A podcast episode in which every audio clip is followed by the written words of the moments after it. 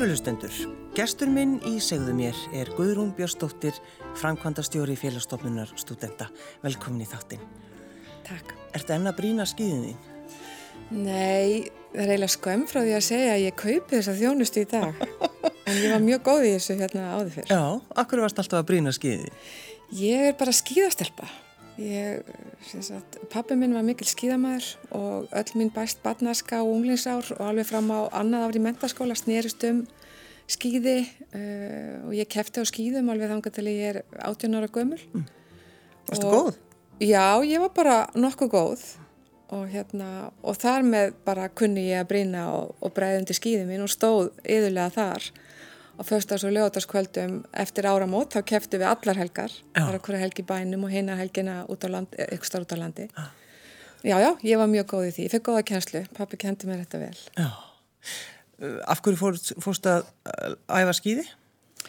Ég hugsa að ég hafi sennilega bara byrjað að skýða áður en ég byrjaði að ganga. Mm. Eh, pappi minn byggði upp skýðateild vikings auðvitað með mörg öðru góðu fólki og eh, í Sleggjubinsgarðinu og þar vorum við bara alltaf, allar helgar.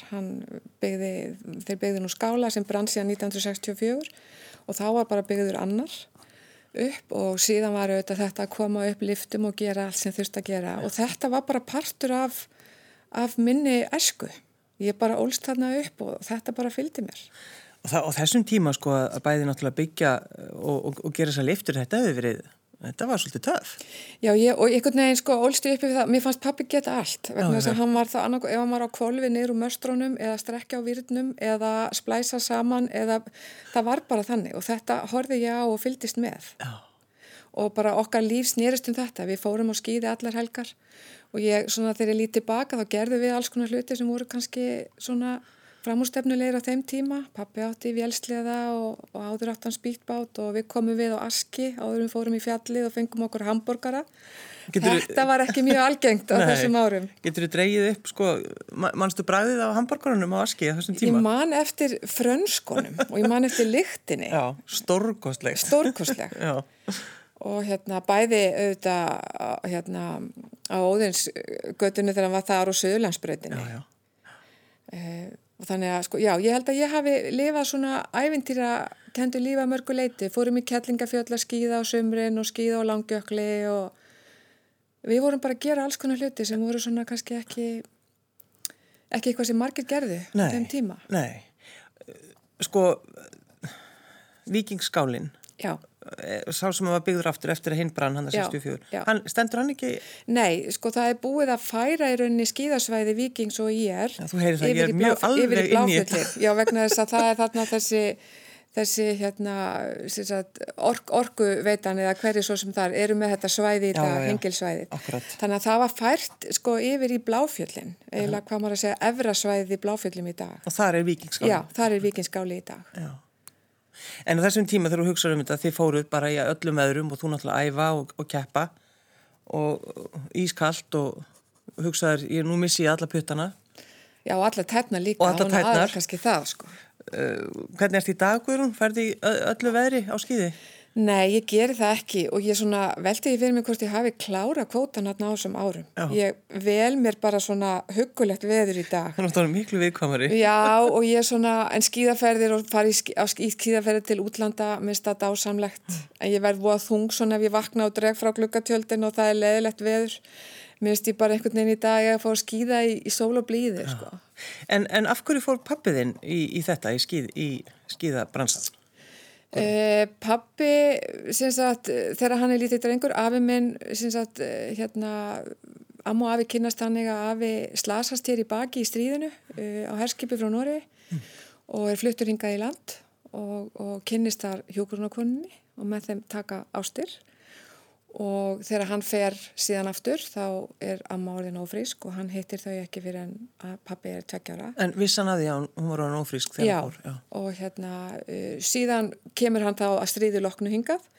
Þau flytja síðan til Norex í nokkur ár og koma svo tilbaka og, og hérna setja staði í smáböðakverfinu eflaust með einhverju stoppi þar áður sem að mér er nú ekki alveg kunnugt um en þar elst hann upp í, í, á vikingsvæðinu uh, og spilaði handbólta og, og fókbólta og fer síðan sko á skýði og auðvitað eru sögundar sem hann er að segja mér þar sem að þeir voru auðvitað bara að æfa og þar sem að þeir gengu auðvitað bara upp með skýðin og skýðuðu niður. Það voru ekki þess að liftur og ekki neitt slikt og pappi var mjög flinkur skýðamæður. Hann hafði geysilega fallega skýðastil og var mjög góður skýðamæður. Þannig að þetta var klárlega hreitn áhug hjá honum vegna þess að ekki lág þetta í fjölskyldunni. Nei öðru sem ég fæðist inn í þetta og fekk auðvitað alla þá aðstóð sem ég þurfti og var keirð á skýði og, og hérna, þá er þetta eitthvað sem hann velur að gera. Mm. En þetta er svolítið falleg ástasagum af þennu ömmu? Já, mér finnst hún falleg. Mér finnst hún mjög falleg. Mér finnst hún svona, mér finnst hún óskaplega romantísk og hérna og... Hún hefði geta farið allavega, hann hefði til dæmis ekki komið tilbaka? Komið tilbaka, já, já, hann hefði geta gert það. Já. Er þetta til bref og svona? Vitið, ég veit ekki til þess sko. Eflaust er það til. Uh, amma er, er þau eru nú bæði látin og, og amma dó sko fyrir hvað, tíu árun síðan. Ég, ég tekki það ekki Nei. hvort það er, en það væri óskandi að það væri sko, maður einhvern veginn svona sér það fyrir sér. Já, já, já, já. Þannig að, að þegar þú hugsaður Guðrún tilbaka uh, pappin svona einhvern veginn svona dreif fjöður að, að kom ykkur upp í fjall og akkurat þetta svona, þú veist spýttbátur, vera svona já, já það var svona ævintýra ljómað svolítið, já. og fyrir utan náttúrulega hambúrgarinn og aski, skulum ekki gleyma honum. Eh, Svo veikist pabbi? Já, því miður. Hann er alveg höstur hann greinist með heila eksli fyrir í, í milli jól og nýjars 2009 og er dáinn tíu mánuðin setna og þetta er sko anstíkilegur sjúkdómur sem fólk bara hreinlega læsist inn í líkama sem að bregst þér og ég get ekki byrjað að ímynda mér hvernig það hefur verið. Mm. Þetta reyndist okkur mjög erfitt og svona við erum tvörsískinin og mamma og við mistum bara eiginlega öll taktin mm. við þetta. Hvar var hann alveg einhvern veginn, þú veist, voru það reyna að tala við hann? Já, hann var auðvitað, hann gæti lítið tjá sig uh, í restina og hann var mjög ósáttur sem eðlilegt er. Hann var ekki nema hvað? Hann er 68 ára gammal og var fram að þessu raustur og, og nýhættur að vinna og hann upplýði náttúrulega mjög stærst þetta hvernig hann, og hann hafði svo sannlega og þau bæði, fóreldra mín, þetta eru hörkuduglega bæði og hafði unnið mjög mikið alla æfi og nú var komið að því að njóta Maður heyrir nú ofta akkurat. Já, maður heyrir ofta akkurat þetta og hann var mjög ósáttur við þetta vegna þess að svo sannarlega höfðu þau lagt mikið á sig og nú bara einhvern veginn lág fyrir að, að byrja að njóta og hann rætti það, við rættum saman um þetta þegar hann svona framalegi hans veikindum þegar við gáttum talað saman að hann sagði ekki gera þessi mistökuður Já. Þú veist, ekki býða mig allt þangar til kannski það orðið á sent. Og tókstu markaði? Já, ég hef reynd að horfa hérna mikið á þetta og, mér, og þetta, svona, þetta blundar alltaf í mér og ég er að reyna að passa að njóta og lifa og mér finnst óskaplega gaman að ferðast og ég hef tekið svona skorpur og síðasta árið þá bara tók ég alveg alvöru skorpu og fór mjög víða og gerði margt og ég, já, ég hérna ég, að ég sá alveg hvernig þetta getur farið og ég held að maður eigi bara að hérna svona hlúa sér á sínum og njóta. Mm. En akkurat eins og, eins og þú nefnir, Guðrún Björnsdóttir, að uh, þið missið taktinn fjölskyldan. Já. Einhvern veginn allt breytist. Já. Hvernig tókst ykkur að byggja ykkur upp aftur? Um, ég hugsa að það sé nú bara svona kannski einstaklingsbundi hjá okkur, hjá okkur öllum. Auðvitað bara ég og bróðum minn erum með börn og, og, og, hérna, og mamma, þú veist, með barnabörn auðvitað höldum við áfram. En einhvern veginn þegar ég ólstu upp þá fannst mér við svo sterk og mikil sella og svona einhvern veginn ódrepandi alveg. Og það breytist við þetta. Það er svo góð tilfinning þegar maður er á þeim stað í lífinu að maður heldur um að maður sé ódrepandi og ekki degi eftir að breytast Já, og einhvern veginn bara sem fjölskylda Já, og selja. Og það var, það var svo notalegt. Að því svo bara fylgist maður með alls konar og sangar að sér og sér börn sem alast upp í mikið óryggi, mm. þið veitir engan stuðning, eh, brotnar, illa brotnar fjölskyldur og svo framvegis, að þá svona áttar maður sér betur á því, eða ég, mm. hvað ég átti góða esku.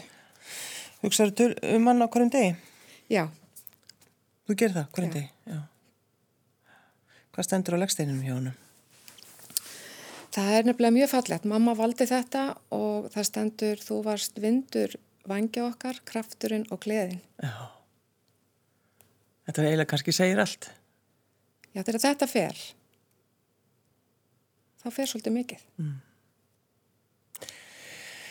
Guðrún, svona reynsla, uh, auðvitað, það byggir mann upp og kannski hjálpa manni gegnum, gegnum lífið, einhverju leiti. Já, ég er alveg samfarið um það. Þetta lætur engan og snortan og þetta hefur, þetta hefur, þetta og svona ímislegt annað á lífsleðinni hefur kannski uh, gert mig að þeirri manneski sem ég er í dag. Mér er umhugaði mannlega heilsu, mm -hmm. ég held að samfélög séu það sem að þarf til þess að fólk kannski fái þann stöðning sem það þarf, þá meina ég bara í víðum skilningi og hefur nýst mér vel í mínu starfi. Um, efnisleg gæði og annars líkt og áttari bara á því þetta skiptir ekki öllu máli. Og þeir upp í staði skiptir minnstu máli. Já. það eru aðri hlutir sem telja miklu miklu meira. Þú varst sendil bandaríkjum einhverjum? Já. Það var svolítið góð skóli.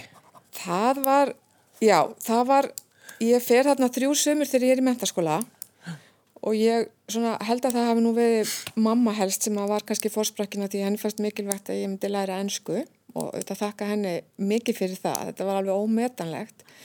En hún hafði svona undistungi vinkunu sína hvort, sem bjóð þarna hvort íslenska, hvort ég geti kannski fengið að koma einhvert sömarið og það var alveg sjálfsagt. Og svo þegar tilkom þá var hún nýbúin að lofa frængu sinni að vera og sá að það gengi nú ekki að hafa tvær íslenska stelpur kannski á heimilinu, við myndum ekki læra neina ennsku þannig hún komi fyrir hjá bandarískri fjölskyldu uh, kunningum sínum og let mig allavega halda að þau var alveg ofsalega spennt að fá mig og Óli, bless, bless. þegar ég komst að því þegar ég kom út að þá hafði hún svo sannlega snúið på hendina á þessum ágættu hjónum að taka þarna við 16 ára gammalli íslenskri stelpu. Þau áttu sjálf þrjá stráka og hérna tvýpur aðeins yngri ég og svo einn yngri og vissu bara ekkert hvað þau átt að gera við þessa íslensku stelpu. Og hérna hún var mikið fyrildi þessi kona, ekki mikil húsmóður þannig ekki einhvern veginn var heimilistörfunum fyrir að fara og ég vildi nú gera eitthvað gagn þarna, þannig að ég fekk þvottin og þetta var sem sagt í Suðuríkjónum, þarna réttur utan Houston í Texas sem hitin er óbærilegur á sömrin og þarna gengu þeir allir í gallabugsum, stuttarmabólum og í kúrikaskóm og einhverjum svona túpusokkum. Og það taka sér þvottin þýttir svona fimm þvottavilar fyrir hátegi, þú veist, þeir skiptu stanslustum född allan daginn.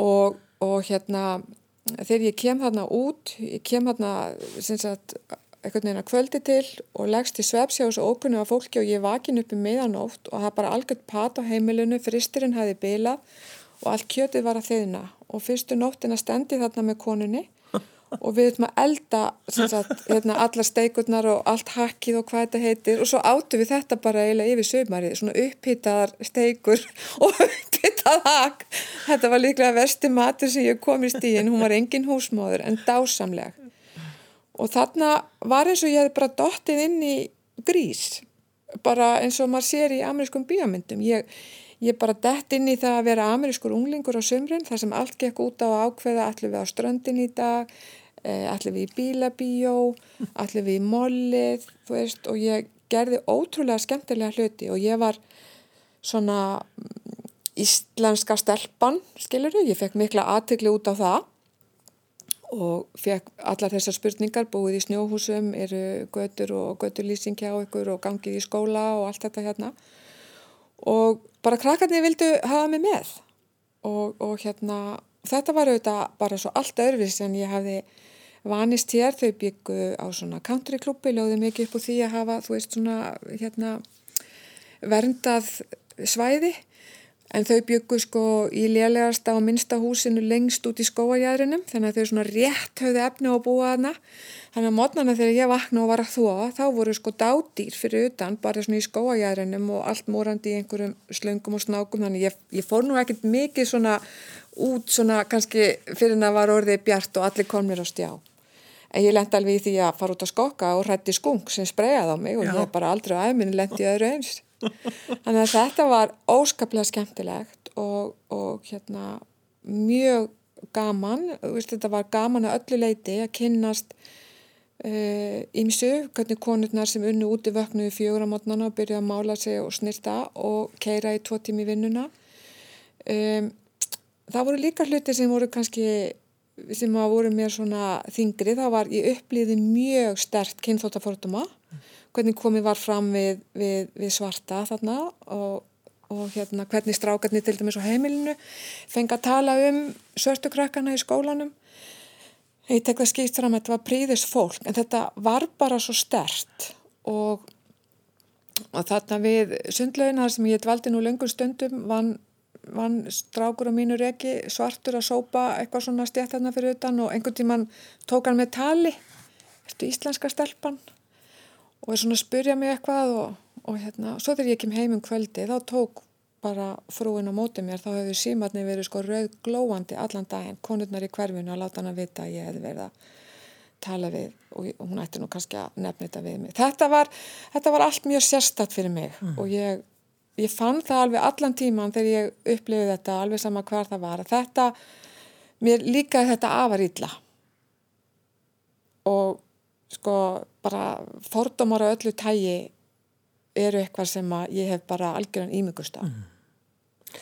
Þegar þú fórst í viðskiptafræðina Guðrún uh, þá uh, nei, þú fórst í mentaskóla Já, ég var í MR, Já, ég var í MR og þurftu að kvíla þig svo Æ, já, ég þurftu að kvíla mig, mér fannst ekki sérstaklega gaman í MR og mér fara ég setla að taka mér eitt ár í, í, í hérna kvíld og ég manna, það var kannski svona engin sérstu gleði með það kannski svona og ég var auðvitað, margir sem sagðu, þú veist, það endar þá bara með að þú tekur mörg ár sem var því mínu tilviki ég, ég, ég hérna tók sjö ár Já, ég ætla að segja, hvernig kvílir maður sig í sjö ár? Já, hvernig kvílir maður sig í sjö ár? Það gerðist hannig og ég var nú þarna í einhverju sumastarfi eftir mentaskóla og svo fekk ég afleysingastarf á markastelt flugleðamannja mm. listi af í fæðingarólifa, mjög gaman svo einhvern veginn er auglist staða innköpastjóra í kvennfatna og badnafatnaði í nýri verslun köpstaður í mjótt mm. sem var þar að fara að opna upp á annari hæðinni og var svona Eh, skilskotun til Magasíndu Nord, svona department eða svona departmentverslun þar sem voru merkjavörur og, og svona deildaskipt. Og ég sæki um þetta og veit nú ekkert hvernig það gerðist að ég fekk þetta starf en engáð síður náttúrulega stórkoslegt ég er þarna valla 22 ára gömul. Og ég syns að vinn við þetta. Ég, við vorum að þeysast út um allan heim að kaupa inn. Eh, það var Asia og öll Evrópa og út um allt. Og síðan opnar kaupstæður í mjótt en því miður þá held ég að hún hafi bara verið aðeins á undan sinni samtíð. Já, akkurat, fórum ekki þangað sem sagt. Nei, og fólk fór almennt ekki þangað nei. og þegar henni er lokað að þá býst mér samskona staða hjá Miklagarði hérna, hérna í klett, hvað heitir það? Klettagörðum. Klettagörðum. Já, já, akkurat. Og, og var þar. Eh, ég ætlaði alltaf, að, ég ætlaði alltaf að klára nám, ég var alveg ákveðin í því, ég var bara aðeins að hérna, og svo bara liðu árin mm. og þetta var skemmtilegt en þegar ég er búin að hérna, og á elstastráki minn 90 þá var það svona já já, nú fer ég í háskólan og, og klára þetta mm. Sko þitt, þínar hugsanir Guðrún uh, í tengslum við stúdenda, semst bara að auka lífsgæði stúdenda já. og þú ert búin að vera pæli því í 22 ár Já Alveg stanslust. Og þú, það er bara þannig, þú ert bara já, í þessu. Já, já, þetta er bara okkar leiðastef og auðvitað mitt hlutverk er að, að svona innleiða þetta í fyrirtækið og, og FS er svo miklu starra fyrirtæki heldur en heldur margir gera sig grein fyrir og við erum þarna tæplega 200 mannstara með slætur sem erum bara öll í þessu að auka lífskeiði stúdenda.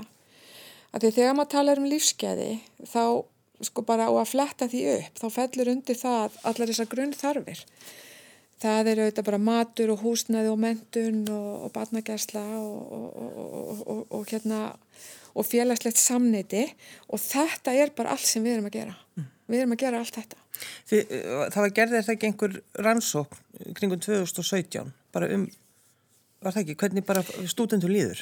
Jú, sko, jú, það var þannig að uh, kringum 2010 þá vorum við tvær frá FS á ráðstöfnu í Bryssel svona slísunist svolítið inn á ráðstöfnu við heldum hún væri öðruvísi en þegar hún byrjaði þá áttum við okkur á því að hún er svona tölfræðileg og, og, og vorum kannski svona urðin fyrir smá vonbröðum þegar líður á daginn þá er verið að leggja þarna bór tölur sem voru svo sláandi.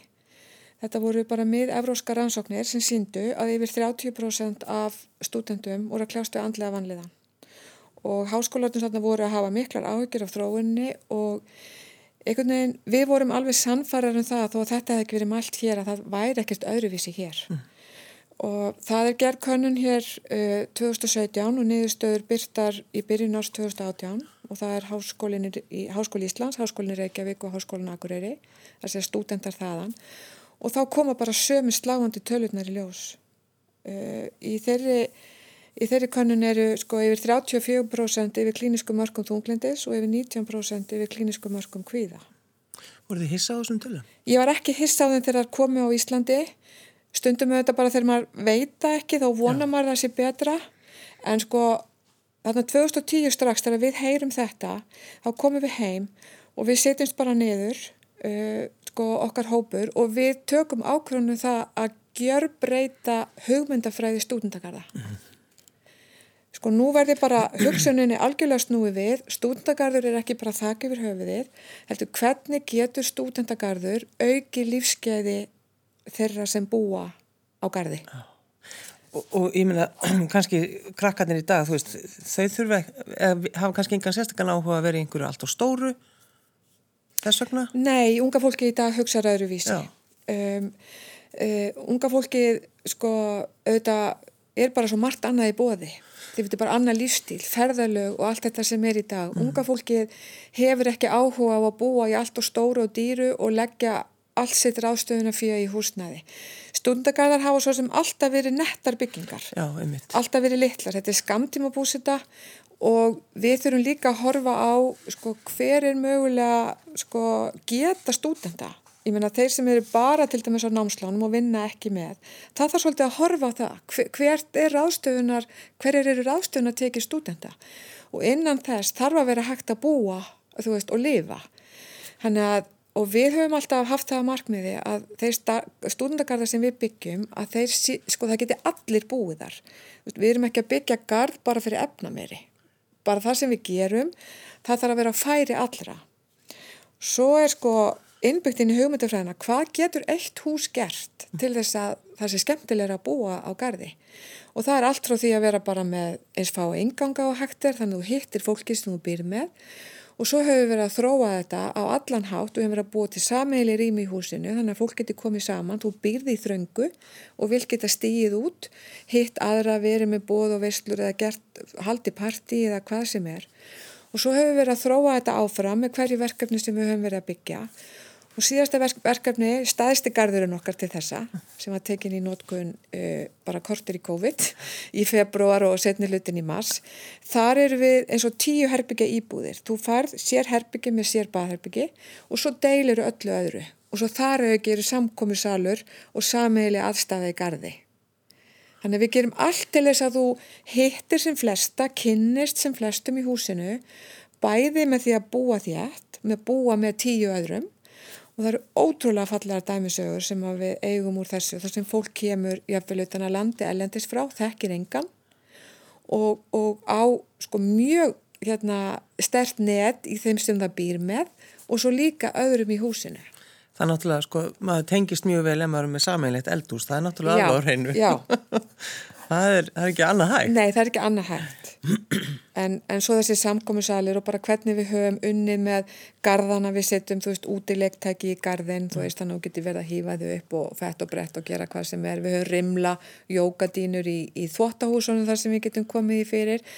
En, en sko, markmið er alltaf að stöla því að fólk hittist meira og staldri lengur við og kynnist mm. af því að ég held að rótin að, að andleri vanlíðan sé mikið einmannalegi og kvíði og, og það er það sem samfélag getur unnið á móti og meiri segja finnst mér mjög áhugaverð rannsók sem var gerð sem er kallast Rattpark þar sem er verið að færa e, uh, rauk fyrir því að samfélag geti unnið á móti fíkn sem mótvægi fíknar og þessi rannsókn var gerð á 8. áratögnum af, af amerískum uh, sálfræðing og heiti Rat Park þar sem var uh, róttur voru settar einar í búr með aðgengi af vatni og sagt, uh, kókainblönduði vatni. Og þróunin hjá þeim var, var svo sama. Uh, þær ánetiðust allar blandaða vatninu þangar til að það er í rauninni óvudósu og dóu. Síðan var mótvæði var sko, stórt búr með fullt af róttum sem að voru þar saman og gáttu hlaupið um og voru innan um aðra róttur Það er smökkuð allar á, á sko blandaðavatninu en ánetiðist ég ekki og þar dó enginn brotta.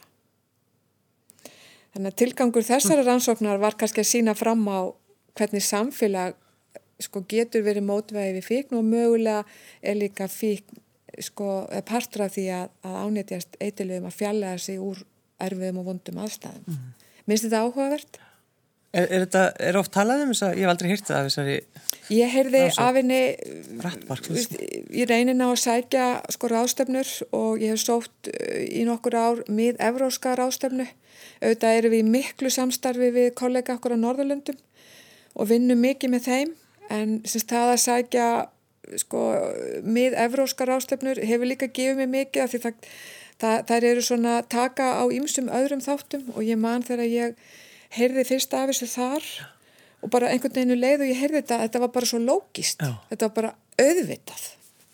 Það gati ekki verið öðruvísi. Ætlaði að vera sko 22 ár sem framkvæmtastjóri félagsstofnun og stúdenda þegar þú byrjaðir? Ég, ég sko ég veldi því alveg öruglega ekkert fyrir mér þegar ég byrjaði. En þú ert líka fyrsta konuna það ekki Já, sem að jú. starfa Jú, sem og búin að vera langlengst. Já, eh, og það, ég veldi því ekkert fyrir mig þegar ég byrjaði en það gerðist rosalega hratt að ég varð einhvern veginn ég varð bara heldtekin af þessu markmiði. Og ég er náttúrulega það lánsum að þetta er búið að vera að vinna mín í 22 ár en eiginlega áhuga mál í leiðinni. Og eitthvað sem að sko er alltaf með mér. Alltaf að velta fyrir mér hvernig getur við og þegar maður sér eitthvað uh, og hérna þannig að það er mesta gæfan í lífinu. Og eiginlega finnst mér ég aldrei hafa verið beint í vinnunni. Veist þetta er bara það er bara, þetta er svo er svo gott líka að vinna í svona umhverfi. Þetta er ekki hagnaðadrifin rekstur það er líka pluss en ég hef nú oft sagt það er sko erfiðar að hitta á núl, það er bara auðveldur að tapja að græða sko, en það að vera í núlrekstri, þar sem að hlutinir þetta verður bara ganga upp og þú hefur sko gjaldtökuna eins lága á hægtir, saman hvort það er rúnstikki eða húsalega eða bækur eða hvað sem er að það er einhvern veginn held ég svo mikil kvati að fara vel með peningin og reyna og reyna og reyna og reyna að þrýsti svo niður mm. eru þið ekki búin að byggja yfir þúsund leigueiningar? Jú, í mínum tíma. Já, og svo voru til rúmlega 400 þegar ég byrjaði, þannig að þetta eru 1430 uh, leigueiningar sem við erum með í dag. 69 uh, komna langleðin að vera tilbúna næsta höst mm. og svo eru svona 200 á tekniborðinu eitthvað svo leis Já, aðeins. Þannig að þá eru við svona kannski í kringum 1700 Þrý leikskólar? Þrý leikskólar með 240 uh, börn, uh, veitingarsala út um allt háskólasvæðið. Og alls konar veitingastæðir? Já, og, meina, já og við, við erum alveg gríðarlega stórt fram, við framleiðum bara meira og meina allt sem við seljum. Erum með heitan, heit, við erum með heitan mat, við erum með vegan rétt, við erum með súpur, við erum með vegan súpur framleiðum hérna alls konar samlokur og djúsa og við erum alveg rosalega stór, mm. þetta átti ekki að vera svona þegar við fluttum í Háskólatorg 2007 og fengum í fyrsta skipti eldús, já, já. þá átti þetta svona að vera allt miklu minna í, í sniðum og svona kannski upphittunar eldús meira svo kom hrunið og við erum bara nýflutt inn og komum með þetta eldús og farin að geta eiginlega svona hitað upp og kannski gert eitthvað og þá höfðu við bara, þá var bara ekkert hægt að flytja þetta inn eða taka þetta hálf elda, þá var bara brettu bermar og við erum bara að byrja frá grunni sjálf mm. og höfum gert það síðan. Það er ekki, þá er ekki tægt að fara tilbaka Nei, það er ekki tægt að fara tilbaka Það væri náttúrulega bara Nei, og þetta er, bara, þetta er bara svo miklu metnaða fylgra sko heldur en að við uppháflega hugsaðum okkur. Þá ferð ekki tilbaka Nei. Svo er það náttúrulega uh, bóka, bóka búð bókslustúdenda hinn hin frábæra. Hún er, algjör, hún er það, bara falin demant. Ég veit að það kemur alltaf einhvers svona hlýja í röttinu fólki þegar það byrja að tala um þetta Já, en það hún er einstök. Já yfir 12.000 titlar og það er rosalega mikið efni til, ekki bara námsbækur, mikið af ítarefni og alls konar og andin í þessari búð, hann er bara eitthvað alveg sérstakur. Mm. Er hún alltaf á sama stað? Hún er á Háskólatorki, við fluttum þangað 2007 Og, en við þjónustum sko allt háskóla stíð í landinu. Við flytjum inn bækur fyrir veist, hérna, hinna háskólana en hún er þar og hún er þarna á aðaltorkinu og kúrir þar á bakvið glervegg þannig að þegar leiðu kemur inn á háskólatorki þá, þá blasir þessi búð við og það er ekkert fallir en að sjá sko drekk hlaðna bókabúð með öllum þessum bókum og litum og öllu mm. sem því fylgir. Já og svo náttúrulega stúdenda kjallarinu þetta það er náttúrulega Hefur þú komið ákveðar? Já, ekki, ekki lengi Nei. það er svolítið langt síðan Eftir að, flug, eftir að hann kom á háskólatorki Nei. Nei, þú verður að gera það. Þú bara verður að koma. Það verða bara allir að leggja leysin í stúdendakjallarna og þú fattar það þegar þú kemur í kjallarna hvað ég er að tala um. Já, já. Ég, ég trúi þér. Andrúslöftið og þessi stemming og bara þó þetta sé, sko þetta er allt í senn kaffihús, veitingastæður uh, skemmtistæður fyrir stúdenda og alla sem vilja koma. Og það metnaði fullt askrá auðvitað er okkur pínu vorkun í COVID. Mm. við getum lítið gert núna og það kvelum við meirinn allt annað að get ekki þjónusta stúdenda betur mm. Sko þegar þú, Guðrún uh, lappar bara um svæðið þú veist, gerur það stundum, ferður bara Já. svona í göngutúr og reynir að sjá þetta með bara einhverjum svona gess augum Já, ég geri það. Já, náttúrulega oft leið sko út í stúdendagara hverfið af einhverjum ástæðum og þá reynir ég að taka langan túr og ég er ofsalega stolt af því sem við höfum byggt upp. Mm. Ég er stolt af þessu hverfi, um, ég er stolt af veitingasölunni og, og leggskólanum okkar sem eru með keira eftir hæskóp uppbyldistefnu. Þetta er metnaðafullt og leggskólanur okkar eru fallegir, Uh, við leggjum mikið metnað í útlit, stemmingu, upplifun já, ég lappa um og, og hérna og ég verð alltaf mjög glöð mm. En er, ertu þannig að sko, þarf það að hafa svona puttan í öllu? Eða? Nei, ég er ekki þannig stjórnandi ég, ég vil halda að ég sé það ekki já. ég anda ekki ofan í hálsmálið á, á hérna, stjórnendunum mínum og ég heldur fái bara nokkuð hérna gott svigurum en ég legg áherslu á það að vera alltaf til staða, stundum er bara gott líka að ræða málinn en auðvitað grýp ég inn í þegar ég átta mig á því að, að eitthvað er að fara upp úr farinu.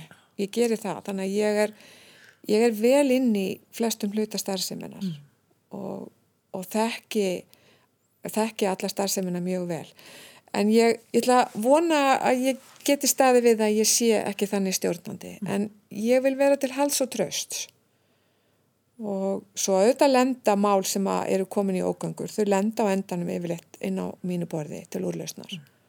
og þá bara leysum við það. Já, þegar þú hugsa svona um bara það sem þú gengir gegnum í lífinu og bara öll svo þróska saga, það skila sér í því sem þú ætti að gera í dag.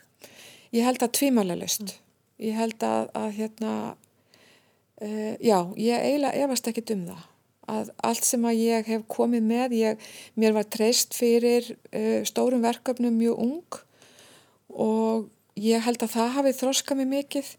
Ég hef líka verið undirmaður undir stjórnendum þar sem ég ákvaða að ég ætlaði aldrei að verða svona stjórnandi ef að ég myndi einhver tíman um, vera með mannaforrað og hérna og ég held að þetta hafi allt sapnast í sarpin og hérna og, og og mér hefur liðið vel í starfi og ég vona bara fólkinu mínu líka. Mér finnst við vera farsæl og minnst að skipta öllu máli. Guðrún Björnsdóttir, framkvæmdastjóri félagsstofnunar stúdenda.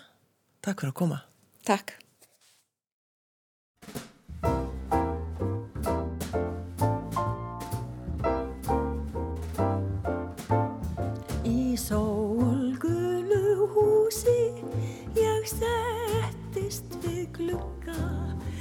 Ég settist